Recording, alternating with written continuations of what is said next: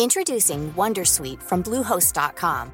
Website creation is hard, but now with Bluehost, you can answer a few simple questions about your business and get a unique WordPress website or store right away. From there, you can customize your design, colors, and content. And Bluehost automatically helps you get found in search engines like Google and Bing.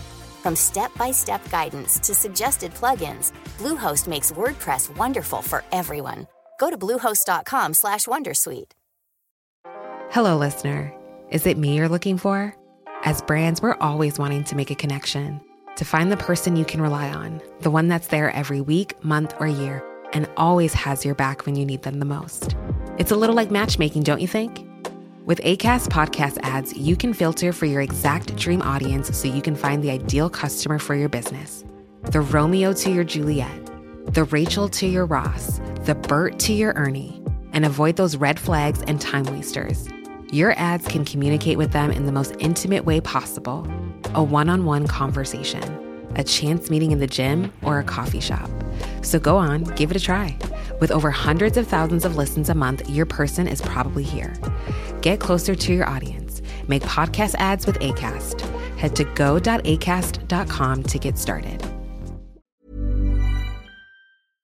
Den har beskrivits som i kris och som en skitvaluta. Mm, den svenska kronan har försvagats, men varför och hur påverkar det ens investeringar? Välkommen till Smarta Cash, podden som peppar till en bättre ekonomi och rikare framtid med mig, Isabella Amadi.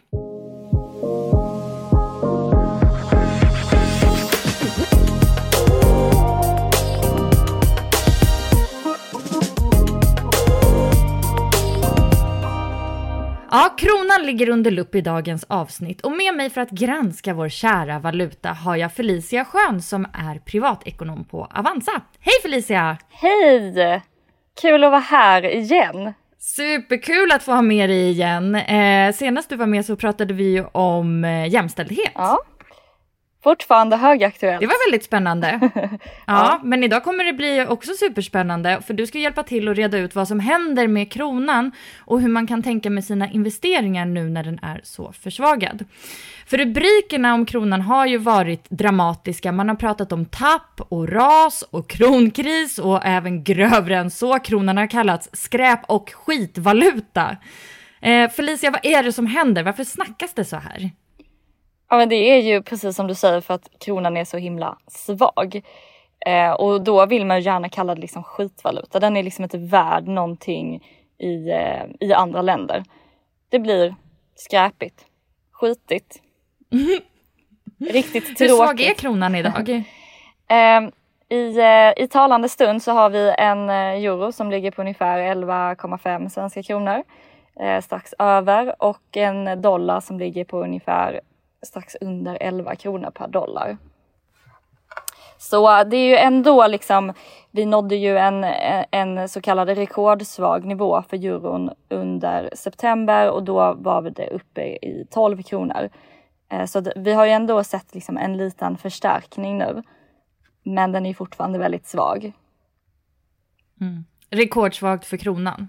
Rekordsvagt för kronan ja, eh, gentemot euron. Eh, den rekordsvaga nivån mot dollarn var förra året under 2022 i september då.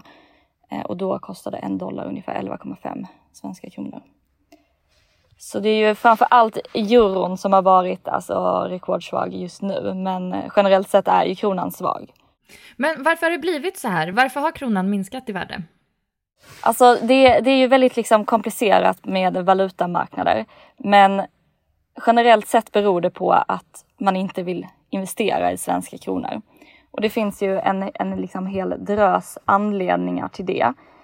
Um, och i grund och botten så, så är det ju liksom på grund av liksom inflation och ränteläget som vi har. Uh, men också att det är ju ekonomiskt skakiga tider uh, och i liksom den stora vida världen så är, är svenska kronan en ganska liten valuta och, och små valutor anses vara liksom mer riskfyllda.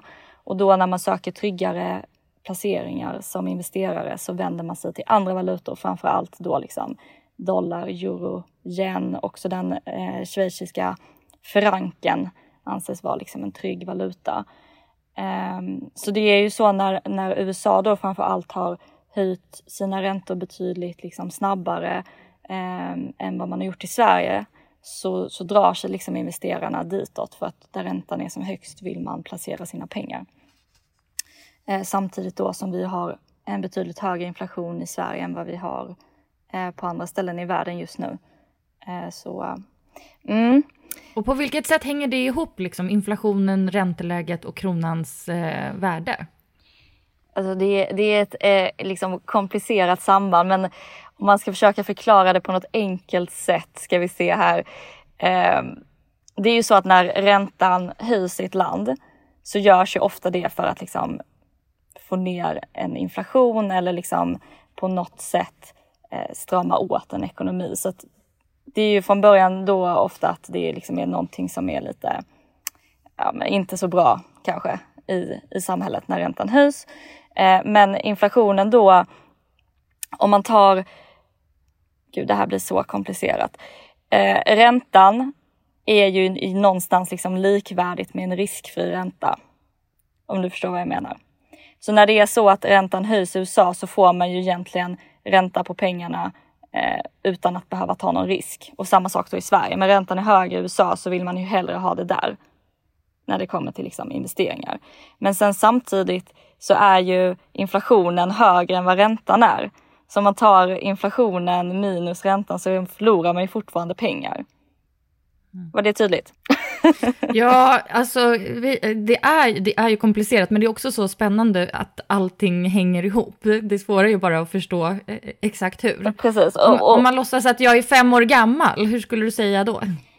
Då skulle jag säga bara liksom enkelt sagt att det inte är så attraktivt att investera i svenska kronor just nu, vilket gör att man söker sig till andra valutor och då minskar efterfrågan på den svenska kronan och därför liksom sjunker priset eller den försvagas i förhållande till andra valutor då. Jag älskar att vara fem år, mm -hmm. då mhm. förstår man alltid. Precis. Eh, så jag vill ändå säga, det är eh, komplicerat med valutamarknaden och jag tycker inte man ska skämmas för att man känner att så här, gud jag förstår det liksom inte. Men, eh, men enkelt förklarat så, så har det ju egentligen bara med liksom, utbud och efterfrågan att göra just eftersom att vi har en rörlig växelkurs i Sverige. Um, och det betyder att priset på valutan sätts på marknaden. Kan man också ha en fast växelkurs? Ja, det kan man. Och det hade vi i Sverige innan 1992. Då hade vi liksom en fast växelkurs mot en liksom korg av valutor. Um, och den tvingades ju Riksbanken att släppa mot en rörlig växelkurs då 1992 eh, när det skedde ett sånt stort utflöde av pengar i Sverige så att de var ju tvungna att höja räntan till 500 procent för att försvara värdet på den svenska kronan och sen slutade då med att man släppte växelkursen eh, mot en rörlig växelkurs. Så vi har haft fast, men nu har vi rörlig. Eh, mm. Danmark har fast, eller? Ja, precis. Eh, så Danmark har ju knutit sin valuta till euron. Ehm, och eh, det betyder ju att, att eh, den danska kronan följer euron i princip perfekt eh, och har liksom inte alls drabbats på samma sätt som, som vi har. Och det är ju också därför det plötsligt är väldigt dyrt i Danmark också eh, eftersom att när den försvagas mot euron, den svenska kronan, så försvagas det mot danska kronan också. Ehm. Alltså snackas det om att man vill eh, eh, köra fast igen i, i Sverige? Finns det en eh, diskussion om det? Ja, alltså det, det, skulle jag ändå inte säga. Vi har ju som sagt testat att ha fast vid flera tillfällen tidigare och Sverige har liksom inte lyckats hålla det så bra. Sen kan man också säga det att den danska kronan, så som de har gjort mot euron, det är liksom ingenting som är ett alternativ att göra. För egentligen gjorde de bara det för att de skulle gå över till euron men sen slutade med att de aldrig gjorde det. Så de har liksom bara fast i det där limbot och det, det finns liksom inte det alternativet riktigt. Ja men det var väl lite om liksom vad som ligger bakom det här då. Men eh oavsett om man fattar det eller inte, eh, så påverkas man ju av den svaga kronan. Eh, både som privatperson och liksom i större perspektiv. Men om vi börjar för oss eh, vanliga människor, hur påverkas vi av den svaga kronan? Alltså det som man framför allt märker är ju när man reser utomlands. eh, att det blir väldigt dyrt. Att, det blir dyrt att resa, det blir dyrt att köpa eh, varor och tjänster i andra valutor. Det är ju liksom det främsta som man märker av. Men det som man inte märker av som privatperson är att det är väldigt svårt för Riksbanken att tämja inflationen eftersom att vi då importerar inflation. Importerar inflation, vad betyder det? Det betyder ju att vi köper ju saker från utlandet som då för oss blir dyrt. Eh, och, och det i sig blir liksom en prisökning. Mm. Eh, och om man tittar på eh, företagen då, hur påverkas företag av eh, den svaga kronan?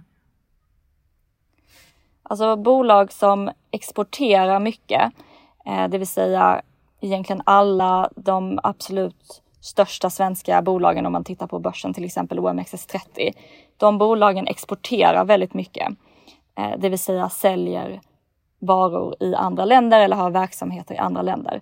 De gynnas av eh, den svaga svenska kronan just eftersom att svenska varor blir billigare i andra länders ögon.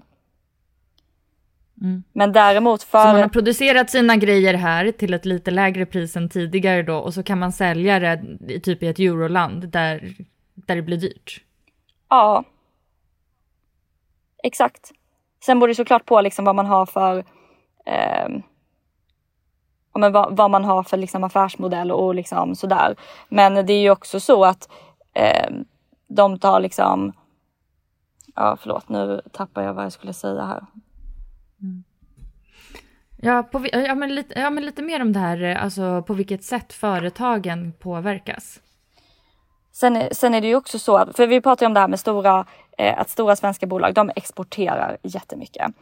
Eh, och, och som sagt, det gör ju liksom att de får betalt i andra länder där den svenska kronan är billig. Är det tydligt eller behöver vi förtydliga det mm. ännu? Och det är bra för dem? Det är bra för dem, ja. Mm. Ja, okej, okay. så där finns det, kan, kan det finnas en positiv effekt helt enkelt för de företagen? Verkligen, där får de liksom en, en boost kan man säga av den svaga svenska kronan. Men däremot så har vi ju liksom de bolagen som eh, inte exporterar så mycket. Eh, där blir det ju snarare liksom Alltså om de istället importerar så blir det ju väldigt dyrt att köpa saker i, från andra länder till sina bolag. Vilket ju är det som spär på den här inflationen. Säg att du ska köpa eh, trä från Europa som då helt plötsligt är 5% dyrare för att valutan är mycket dyrare. Då har du 5% högre kostnader samtidigt som liksom den svaga eh, kronan i Sverige är svag och då måste du ju höja priserna och därför importerar vi inflation. Och om man lyfter blicken ännu mer och tänker på liksom, eh, he, liksom Sverige som sådant. Eh, hur påverkas Sverige av ett, eh, en svag krona? Alltså, som sagt, det är ju liksom både positivt och negativt. Visst, eh, det blir till exempel för turismen eh, billigt att vistas i Sverige. På den aspekten kan det vara liksom någonting bra. Men generellt sett så betyder ju en svag valuta att det är någonting i landet som inte står så bra till ekonomiskt just eftersom att man inte vill investera i landet. Så på lång sikt är det inte så bra att den eh, kronan är svag. Eh, det påverkar oss negativt generellt sett. Även om det finns liksom sektorer som kan gynnas av det. Ja, och i samband med det här så har ju den här eurodebatten bubblat upp lite igen. Mm. Eh, vad, vad tror du om den diskussionen? Alltså vilka fördelar och nackdelar finns det för att gå över till den europeiska valutan? Alltså generellt sett så vill jag liksom först bara säga att jag tycker att det är, alltså jag förstår varför eurodebatten kommer upp nu. Eh, men folk tror ju att man kan byta liksom till euron över en dag. Eh, så att även om vi skulle liksom bestämma oss för att byta till euron så är det inte det som kommer liksom lösa nuvarande problem. Det tar ju, alltså det är ju liksom fem, tio års förberedelse som krävs för att byta valuta eh, eller liksom gå över till eh, EMU. Men om man ska prata liksom fördelar och nackdelar så är ju fördelar med euron då att det blir liksom en eh, stabilare valuta man har liksom ingen valutarisk eller det finns ju liksom inga skillnader inom eurozonen. Det är en väldigt mycket liksom större valuta. Ehm, det är också lättare med liksom handel inom EU och med omvärlden eftersom att man inte behöver ta den liksom eh, valutarisken med den svenska kronan. Men det man också ska tänka på om man går med i EMU är ju att Sverige förlorar ju liksom den, den, den penningpolitiska makten. Då är det ju EU som bestämmer vad, vad räntan ska vara. Och det de kommer göra då, eller liksom nackdelen med det är ju att, att vad som kan vara bra för vissa länder kanske inte alltid nödvändigtvis är bra för Sverige. Um, det, det är ju kanske då oftare som de stora länderna i Europa är de som man anpassar sig mest efter och så får Sverige bara hänga med. Sen är det ju också det att man dras ju in liksom i de ekonomiska problemen som finns för euron. Eh, och det var ju någonting som Europa verkligen upplevde under 2010-talet med eurokrisen. När liksom mindre ekonomiska länder som typ Grekland och Italien och Irland fick jättemycket problem som hela EU var tvungna att lösa. Um, så det är ju någonting som man också får tänka på då att Sverige som ett som starkt ekonomiskt land kan påverkas mycket av svagare ekonomiska länder. Att man, det blir liksom lite win together, lose together. Mm, plus och minus finnes. Verkligen. Sen liksom, om man får ha något tycke så tycker jag väl att eh, debatten borde komma liksom, upp nu och att man kanske på riktigt borde vara så här hur ska vi göra framöver för att inte hamna i den här sitsen igen? Eh, och jag tror ju att vi kommer inte komma ur den här krisen utan att det sker några förändringar. Sen vad det blir, om det är så att vi går över till euron eller om det kommer liksom komma in fler reformer för penningpolitiken. För just nu är det ju så att Sveriges riksbank har ju inte som mål att den svenska kronan ska vara stabil, utan deras mål är ju bara att inflationen ska vara runt 2 procent. Och det är liksom deras prioritet. Um, så att eh, det blir liksom lite en konflikt där. Mm. Men vad finns det för möjliga lösningar om man vill stärka kronan? Alltså vad, vad gör man? Det, alltså det finns ju egentligen inte så jättemycket att göra förutom då att höja räntan. Eh, alltså i teorin är det så att när räntan höjs i Sverige så ska också den svenska kronan stärkas. Men det är ju också väldigt beroende på vad andra länder gör. Ehm, och sen är det många fler faktorer som spelar in. Till exempel då inflationen och att vi importerar inflation är ju ett problem för vår inflation fortsätter ju också liksom eh, höjas.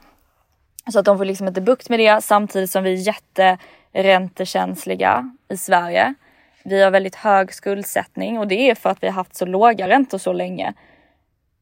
Och det gör ju att när Riksbanken ville höja räntan för att till exempel då stärka kronan. Då är det istället så att alla går liksom på knäna, både, för, både företag och privatpersoner som inte klarar av räntehöjningarna. Och då vill man inte investera i Sverige av den anledningen.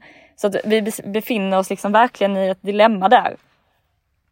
Eh, att räntan egentligen måste höjas mer men vi kommer förmodligen då hamna i liksom en, en fastighetskris där både privatpersoner och företag kommer ha svårt att betala räntorna på eh, sina fastigheter. Gud vilket knivigt läge. Mm -hmm. Det är minst sagt ett dilemma. Ja, jo tack. Men hur ser prognosen ut då för den svenska kronan? Så Riksbanken själva säger ju att de tror att, att kronan kommer att stärkas, att det liksom kommer lösa sig. Um, och de argumenten de har är ju liksom um, dels att det ekonomiska läget kommer stabilisera sig, men också att den svenska kronan är undervärderad. Um, och då liksom mekanismerna mellan det här med, med utbud och, och efterfrågan, det jämnar liksom ut sig då till sist, särskilt då om den svenska kronan liksom per se är undervärderad. Men de, de själva kan ju liksom inte säga någonting om hur och, och, när det kommer hända och hur mycket. Mm. Men tror man att vi har nått botten eller är vi på väg att stärkas? Eller var, var, var befinner vi oss? Så det är också jättesvårt att säga. Det är ju vissa som tror att det inte är omöjligt att vi kommer upp liksom på en nivå på 13 kronor per euro dollar. Liksom. Men, eh, men jag tror ändå att givet att ingenting skulle liksom försämras kraftigt så har jag ändå svårt att se att det skulle bli så. Men eh, man vet aldrig. Nej, mm. det har man ju lärt sig. Mm -hmm. eh, det är väldigt svårt att förutspå framtiden. Verkligen, och, och, och valutamarknaden är faktiskt en av de marknader som är absolut svårast att förutspå. Men det man ska ha med sig är ju att även om valutamarknaden styrs av utbud och efterfrågan så har det liksom inte samma uppåtgående trend som till exempel priserna på bostadsmarknaden eller aktiemarknaden. Utan det tenderas liksom att jämna ut sig över sikt så här, ett tag så är liksom kronan eh, svag men sen blir den stark och så blir de utländska valutorna lite svaga. Så de är ju relativa varandra hela tiden. Liksom. Ja, men låt oss eh, nu blicka in lite mer mot våra egna plånböcker eller snarare våra portföljer. Hur påverkas våra investeringar av den svaga kronan? Ja, ehm, det, det här är ju liksom egentligen alltid fallet, men det har ju kommit upp på agendan nu igen. För det är ju så att när den svenska kronan försvagas så gynnas man av att ha utländska investeringar. Till exempel en global fond. För då får du en avkastning som utöver avkastningen av tillväxten av bolagen också är eh, de procenten som eh, kronan har försvagats.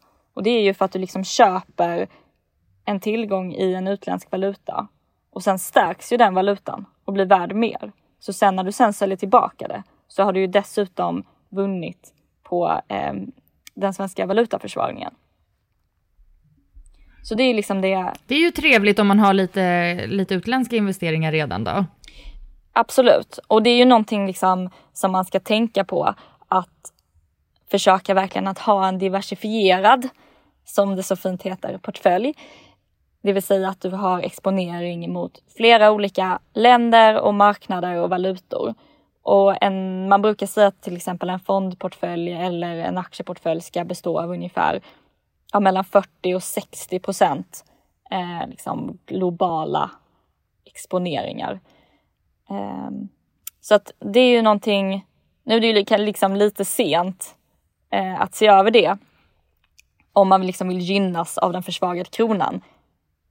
Men det är ju egentligen inte så att man ska spekulera. Alltså man ska ju liksom inte anpassa portföljen efter hur valutan ser ut, utan är det så att du inte har globala exponeringar nu så är det inte så att det är liksom kört, utan försök få in globala exponeringar så är du skyddad mot nästa gång den kronan försvagas. Men ett relevant begrepp som man ändå vill ta upp det är ju det här med valutarisk. Vad innebär det? Ja du, det är själva definitionen är liksom risken för förlust på grund av valutakursförändringar. Och det här är ju egentligen någonting som man kanske främst ska tänka på om man investerar kortsiktigt, vilket jag ju egentligen inte tycker att någon vanlig person borde göra. Men säg liksom att du köper en global fond nu när svenska kronan kostar liksom 12 kronor, eller förlåt 11 kronor mot dollarn. Och sen att den svenska kronan istället skulle förstärkas med 5% Då kommer du liksom stå på en förlust med 5% givet att det liksom inte rör sig någonting i fonden. Eh, så det är ju liksom en... Det är, det är det som är valutarisken. Eh, och valutarisk tar man ju alltid när man investerar i utländska investeringar och det är någonting som jag tycker att man ska vara liksom medveten om. Men kanske inte nödvändigtvis någonting som man ska anpassa sig efter om du förstår hur jag tänker. Mm. Så bra att känna till, men om man ändå investerar långsiktigt, eh, då är det viktigare med att man har en bra riskspridning egentligen. Ja, för det man ska tänka på att så här, ja, även om den svenska kronan förstärks med 5% så kan det ju vara så att den globala tillväxten växer med 10% Så jag menar det finns ju fortfarande, alltså tillväxten är mycket viktigare än vad valutaförsvagningen eller förstärkningen är eftersom att det tenderar att jämna ut sig över tid. Alltså just valutarisken medan liksom tillväxten växer över tid, alltid. Eller liksom över tid. Historiskt har det varit så i alla fall. Men eh, om man, om man nu sitter lite och är sugen på att plocka in lite nya aktier eller börja investera i någon ny fond, är det bättre då att titta på svenska innehav? Mm, alltså, bättre eller sämre. Jag tycker ju att man alltid ska ha både svenska och utländska innehav i sin portfölj. Um, och inte som sagt tänka så mycket på just hur valutan ser ut just nu utan snarare på vad man tror att tillväxten kommer vara. Sen är det ju så att eftersom att konjunkturen i Sverige ligger lite efter konjunkturen i framförallt USA. Så där börjar man ju redan se liksom en rejäl ljusning. Inflationen har kommit ner, de har förmodligen nått räntetoppen. Det är inte omöjligt att det blir räntesänkningar framöver. Att de bolagen kanske vänder snabbare än vad de gör i Sverige. Men med det sagt så vet man inte riktigt. Och det är ju också någonstans därför som det är så viktigt att ha både svenska och utländska investeringar för att sprida riskerna i liksom var tillväxten kommer ske. Eh, och de allra flesta vanliga personer har väldigt svårt att tajma marknaden i så här, var kommer det vända först? När sker vändningen? Det vet man liksom inte riktigt förrän i efterhand. Och därför ska man ju då se till att man har både svenska och utländska investeringar i portföljen. Eh, mm. Men om man tittar på börsen då, eh, går det att utröna liksom vilka branscher eller bolag som påverkas negativt och vilka som påverkas positivt av det här läget vi är i nu? Alltså eh, som sagt, det är ju de här bo svenska bolagen som eh, exporterar mycket, så man kan ju tänka sig att skulle den svenska kronan förstärkas så kan de ju helt plötsligt inte rida lika mycket på valutaeffekterna. Eh, sen har vi ju de här mindre bolagen som eh, är väldigt räntekänsliga som har påverkats negativt av räntehöjningarna. Eh, men som ju då skulle kunna liksom gynnas mer av att räntan sänks framöver. Eh, så det, det är alltid liksom lite ge och ta där. Men det kan ju vara så att vi inte har nått en räntetopp än och då är det inte omöjligt att det fortsatt är de stora svenska stabila bolagen som man vill vända sig till. Eh, samtidigt som småbolagen kommer fortsätta ha det tufft. Eh, ja, gud, spännande. Eh, det känns ändå som att eh, ditt budskap all over här med sin egen portfölj är att man kanske inte ska agera allt för mycket eh, abrupt här nu på grund av liksom kronans läge, utan mer eh, tänka liksom i de här generella bra termerna. Jag sparar långsiktigt, jag diversifierar min portfölj, valutan är vad valutan är, det, kom, det kommer liksom pendla lite upp och ner, men att det inte är det som ska avgöra kanske vad man investerar i. Exakt. Det tyckte jag var en väldigt bra sammanfattning av dig. Men ehm, så att, så att, som sagt, att man inte anpassar sig för mycket efter valutan. Men det är ju om det liksom är någonting som jag, jag ska inte säga avråder från, men det är ju vill man liksom rida på försvagningen av den svenska kronan så är det lite liksom för sent. Så att det inte är så att man slänger in allt man har i liksom eh, bara amerikanska bolag för att man hoppas att den svenska kronan kommer försvagas 10% till. Eh, det, det tror jag är dumt och som sagt då spekulerar man. Det vill säga man bettar nästan på att den svenska kronan kommer försvagas samtidigt som man ju inte vet det. Och vi befinner oss på en väldigt svag nivå redan. Så som sannolikheten känns ju ändå någonstans som att vi kommer röra oss åt andra hållet. Mm. Och vad händer med våra investeringar då när kronan går upp igen? Då, då påverkar som sagt de utländska investeringarna negativt. Eh, men bara sett till liksom valutaeffekten, det kan ju fortsatt vara så att tillväxten är liksom bättre utomlands och att det är bra av den anledningen. Eh, men däremot så får ju liksom Sverige tillbaka sin status. Man vill investera mer i Sverige och det kan ju då gynna de svenska bolagen. Eh, och då finns det ju också större liksom, chans att räntan i Sverige kan antingen stoppas, alltså räntehöjningarna stoppas eller att den sänks och det är ju generellt sett positivt för de svenska företagen. Tack så jättemycket Felicia för att du eh, redde ut det här komplexa ämnet med kronan och hur man kan tänka. eh, jag vill säga det var så lite men som sagt det är ganska komplicerat och jag är ledsen om jag gjorde någon ännu mer förvirrad än vad det var tidigare. Men det man kan ta med sig är ju att det finns ett väldigt starkt samspel mellan liksom ränta, inflation och eh, eh, valutan. Mm. Eh, och det här är också någonting som jag vet att du ibland bloggar om. Vart hittar man din eh, fenomenala blogg? Ja, jag har skrivit ett eh, blogginlägg om det är så att man hellre läser. Så finns det på Avanza-bloggen, vilket är blogg.avanza.se. Och inlägget heter Så kan du investera smart när kronan är svag, om det är så att man vill googla på det. Underbart! Tack så jättemycket för att du var här. Tack själv. Det var väldigt kul att få vara med igen. Och tack till dig som har lyssnat på det här avsnittet också. Vi hörs igen nästa vecka som vanligt. Hej då!